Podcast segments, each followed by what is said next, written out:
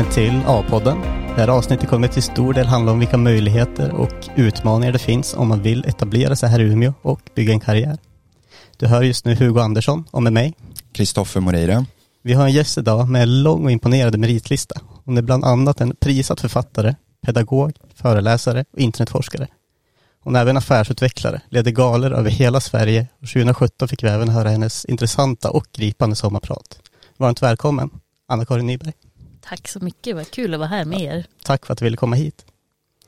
Eh, du är en person som verkligen är mångfacetterad och har gått din egen väg som man säger. Mm. Och har varit väldigt kreativ i ditt yrkesliv. Men när jag beskriver dig, hur skulle du själv beskriva dig yrkesmässigt? Och vad ser du dig själv mest som? Oj, vilken svår fråga. Hmm. På ett sätt har jag ju olika titlar, men vad är jag för någonting då? Jag är väl kombinationen av allt det där och har försökt att fortsätta göra många saker.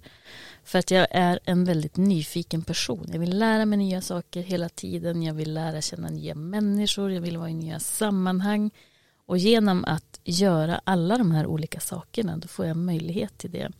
Det är svårt att sätta en etikett på mig och det är svårt för mig själv att göra det också. Och det tycker jag är lite härligt. Vad var det du inledde med? Var det massa olika då också? Alltså tänker du när jag hade utbildat mig och gav ja, ut? exakt. Alltså jag blev färdig systemvetare vid Umeå universitet precis när IT-bubblan sprack. Och i det skedet, innan den sprack, då skulle ju precis alla skulle till Stockholm. Men där fick jag tänka om, jag var också på väg till Stockholm. Jag fick erbjudande om att eh, prova och undervisa på universitetet och tänkte det är väl en bra eh, lärdom, även om jag avskydde att stå på scenen då, det var det värsta jag visste. Och så kom doktorand utbildningserbjudandet tätt på så har jag funnits vid Umeå universitet på ett eller annat sätt under eh, 23 år. Är nu. Har du någonsin känt att eh, för att du stannade kvar här i Umeå att du har gått miste om några möjligheter liksom? Eh, som du kanske hade kunnat få om du flyttade till Stockholm? Eh, alltså att resa till olika platser och möta olika människor och kulturer det är ju jättespännande. Så det är klart eh, på ett sätt skulle man kunna säga att det går jag miste om här. Samtidigt så möter jag väldigt mycket olika kulturer och influenser genom att till exempel mitt arbete på universitet eller mitt arbete som, som affärsutvecklare. Eh, så jag ser till att vara i sammanhang där jag möter människor och miljöer. Eh, jag skulle inte säga att jag har gått miste om någonting. Jag har vunnit väldigt mycket genom att egentligen våga stanna kvar skulle jag vilja säga. För när jag utbildade mig färdigt då skulle alla iväg, egentligen ganska oreflekterat. Man skulle bara iväg, det var lite ehm, misslyckat nästan att stanna kvar. Och det jag upptäckte är ju att Umeå är en fantastiskt bra stad, både att bo i och verka i. Vi har universitetet, vi har stora industrier, vi har ett rikt, rikt, rikt näringsliv med företagande. Vi är en varm stad, det finns vissa politiska eh, riktningar som inte riktigt får fäste här i Umeå. Vi är, Umeå är en häftig stad att bo i. Vi har också väldigt nära till naturen. Eh, jag slipper sitta och pendla bort några timmar i bil eller tunnelbana varje dag. Det kan jag lägga på annat och det tycker jag om. Så nej, jag har inte gått miste om någonting. Jag har snarare tänkt tvärtom. Jag, jag vann någonting på att vara lite modig och stanna kvar. Och när du var student, kände du så om Umeå också? Eller är det någonting du har liksom börjat känna nu på senare år? Alltså när jag var student då tror jag att jag var i min studentbubbla. Det var ju fester och det var tentor och det var liksom allting snurrar kring studentlivet. Jag tror inte att jag utforskade Umeå så mycket ur det perspektiv jag utforskar Umeå idag. Jag var ju liksom helt uppe i min studentvärld då. Mm. För jag tänker det är väldigt lätt som student att ibland vara framtiden är så oviss mm. och det är så svårt att veta var man ska ta vägen. Mm. Um, och då tänker man en större stad, där kanske det finns fler möjligheter. Mm. Men uh, Ja men så är det ju också. Det finns ju jättemycket möjligheter i, i de större städerna och samtidigt det som finns i Umeå är ju närheten till möjligheterna. det är närhet till människor och beslutsfattare, företagsledare, intressanta personer och sammanhang jag vill ta en del av. Eh, steget är ju inte så stort. Jag känner alltid någon som känner den som har nyckeln till det sammanhang jag vill in i. Så närheten är ju mycket större här i, i en stad som Umeå. Mm. Och du har ju forskat mycket om digitaliseringen och hur den påverkar samhället. Tror du att den kommer påverka hur vi bor? Liksom? Tror du att folk kommer fortsätta röra sig in mot de större städerna i takt med att allt blir mer och mer digitalt? Eller tror du det kommer skifta på något sätt? Alltså jag funderar en del på det där efter pandemin. Då kunde vi ju se att vi var många som eh, ägnade mer tid åt våra hem, att vara hemma. Att vara hemma blev mycket viktigare för många människor och så blev det för mig också. Istället för att flytta till mindre som många gör när man blir lite äldre och äldre så flyttar vi till större mitt under pandemin. Och jag tror att vi kan se den riktningen eh, eller rörelseutvecklingen att vi, vi vill satsa på våra hem. Eh, vi vill kunna jobba hemifrån såklart. Men hemmet är ju också vikt, en viktig plats och jag tror att den blir ännu viktigare. Sen finns det säkert en grupp som tycker precis tvärtom att eh, jag vill bo litet, jag vill vara väldigt flexibel och mobil för jag är nästan aldrig hemma för jag jobbar från överallt och ingenstans. Eh, men jag tror att den andra gruppen är större, den som satsar på hemmet som bas i livet. På din hemsida, du, eh, du föreläser ju mm. och då kan jag läsa att eh, det nästan har, det är skillnad från när du gick i skola jämfört med nu, men att det nu nästan har blivit som en fördel att bo i mindre städer. Ja, men Har det med sociala medier, tänker du då göra? Vad sa du? Har det då med sociala medier, tänker du då göra? Ja, men det, det, hjälper ju oss att få till den här närheten. Eh, man är ett klick bort eller en eh, eh, relation i vän, vänkretsen bort. Och där är ju sociala medier eh, supersmidigt när det gäller att hålla liv i relationer, bygga nya relationer, visa vem man är eh, och nätverka. Så att, absolut. Ja, jag kan ju inflika med en personlig erfarenhet och det är att när jag bodde i Stockholm var det mycket lättare att, att känna sig ensam mm. eh, jämfört med här. Här i Umeå är allt bara ett stenkast bort. Det är väldigt lätt att hitta olika gemenskaper att ingå mm. i på ett sätt jag inte alls tyckte att det var i Stockholm. Så att det kan ju också vara en grej man, man funderar över när man ska liksom välja mm ort där man ska bosätta sig. En grej är ju karriären, men som du pratar om, hemmet och den här gemenskapen runt omkring yrkeslivet. För det finns ju, livet är ju mer än bara arbete. Mm. Men om du liksom ser tillbaks på din tid som student och du kunde, kunde ge dig själv några råd. Vad hade du sagt? Det är en bra fråga.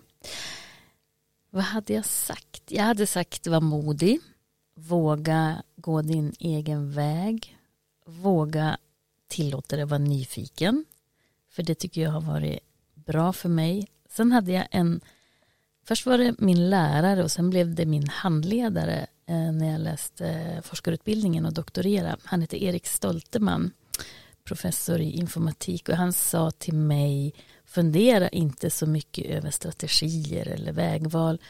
Välj och gör det som du är intresserad av och tycker är roligt. Och när jag doktorerade så tyckte jag att det var ett jättekonstigt råd att få. Jag tänkte hur ska jag någonsin bli färdig om jag ska göra roliga saker. Men så här i efterhand när man tittar tillbaka eh, så ser ju jag att det finns en röd tråd i allt som jag har gjort tack vare att jag har vågat välja och också ha roligt och göra det som jag är intresserad av. Så att jag tycker det var ett klokt råd, men det var lite ovanligt råd att ge till en doktorand. Gör det som känns kul så kommer du att se den röda tråden till slut och då är du i mål. Och hur handskas du med möjligheten att det kanske inte går som du hade tänkt dig? Liksom? Eh. Ja, alltså det är ju väldigt ofta som man landar på någon annan plats än vad man hade planerat. Men jag tror att jag utvecklar något slags förhållningssätt till det där över åren. Så jag, jag tänker egentligen inte att jag misslyckas.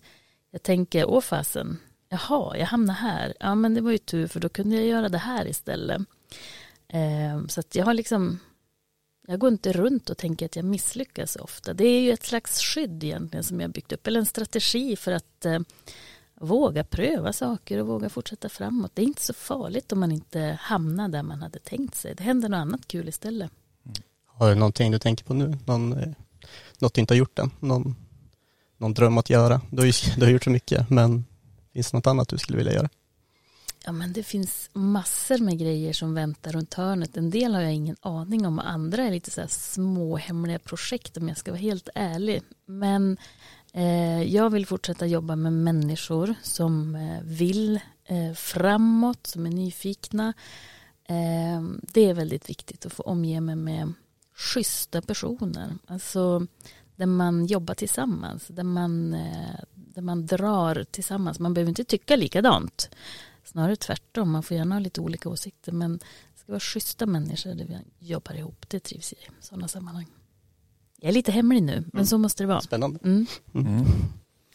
Och du har ju skrivit en väldigt intressant bok om just härskartekniker. Skulle du säga att arbetsklimatet här i, i Umeå skiftar sig lite grann från, från andra delar av Sverige? Jag kan personligen känna att folk är lite trevligare här. Bara ja, på gatan. ja, men eh, det är ju bara min subjektiva liksom, eh, åsikt. Men är det någonting som du liksom har lagt märke till? Ja, jag har inte gjort några jämförande studier mellan städer eller orter, så det kan jag egentligen inte uttala mig om utifrån intervjuerna. Däremot kan man ju se definitivt att härskarteknik och maktspel, det finns precis överallt där vi människor finns. Och Säger man att jag är en person som inte använder mig av härskarteknik då tror jag inte man är sanningsenlig. Många gånger gör man det oreflekterat och omedvetet som en konsekvens av jargong eller språkbruk. Så att eh, det finns överallt. Eh, vi kan aldrig riktigt göra upp med det. Däremot kan vi hela tiden bli medvetna om vad vi gör och jobba för att skapa schysstare arbetsplatser. Och då har ju jag en fråga där om man känner att man har blivit utsatt för en härskarteknik men man kan inte riktigt liksom specificera exakt vad det var som hände. Du fick mm. bara en konstig magkänsla och man är lite kluven. Är det här bara jag som inbillar mig eller har den här personen som avsikt att såra mig? Hur, skulle, hur ska man handskas med den mm. ovissheten?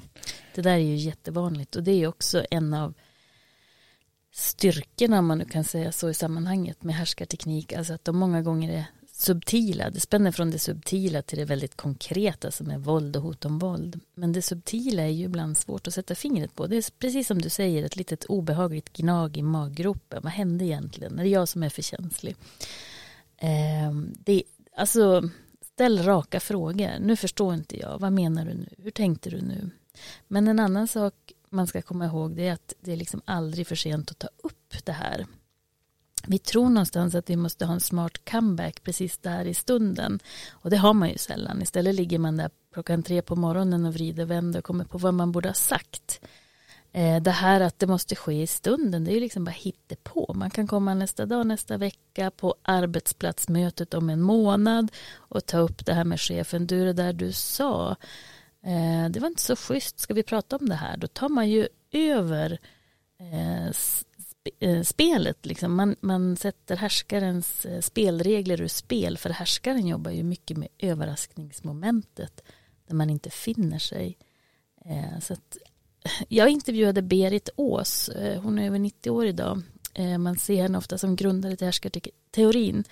Och hon var väldigt noga med att vad som än händer så måste man alltid göra någonting. Den som står upp för sig själv mår bättre än den som inte gör det. Sen ska vi naturligtvis alltid backa varandra. Det är nästan värre att kollegorna sviker när någonting händer än att man utsätts för någonting.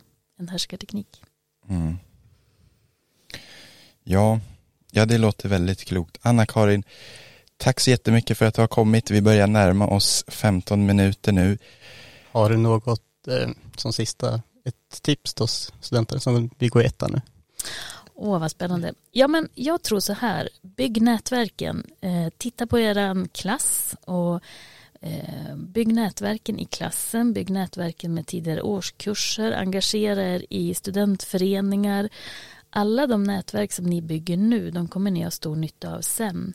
Sen tycker jag också att ni ska bygga nätverken i Umeå. När ni gör era examinationer och arbeten, se till att göra dem i samarbete med företag, organisationer, myndigheter så att de vet vilka ni är. Eh, samla på er erfarenheter. De där nätverken är ju ovärdeliga den dagen ni ska sticka iväg ut och göra spännande saker efter studierna. Tusen tack Anna-Karin. Om någon vill eh, kontakta dig eller veta mer om dig, vart eh, kan man vända sig? Ja, men det enklaste kanske är att segla in på annakarinnyberg.se, min hemsida. Där finns alla kontaktuppgifter. Jajamän. Tack så mycket Anna-Karin. Tack, Tack så mycket för att du vill komma. Tack.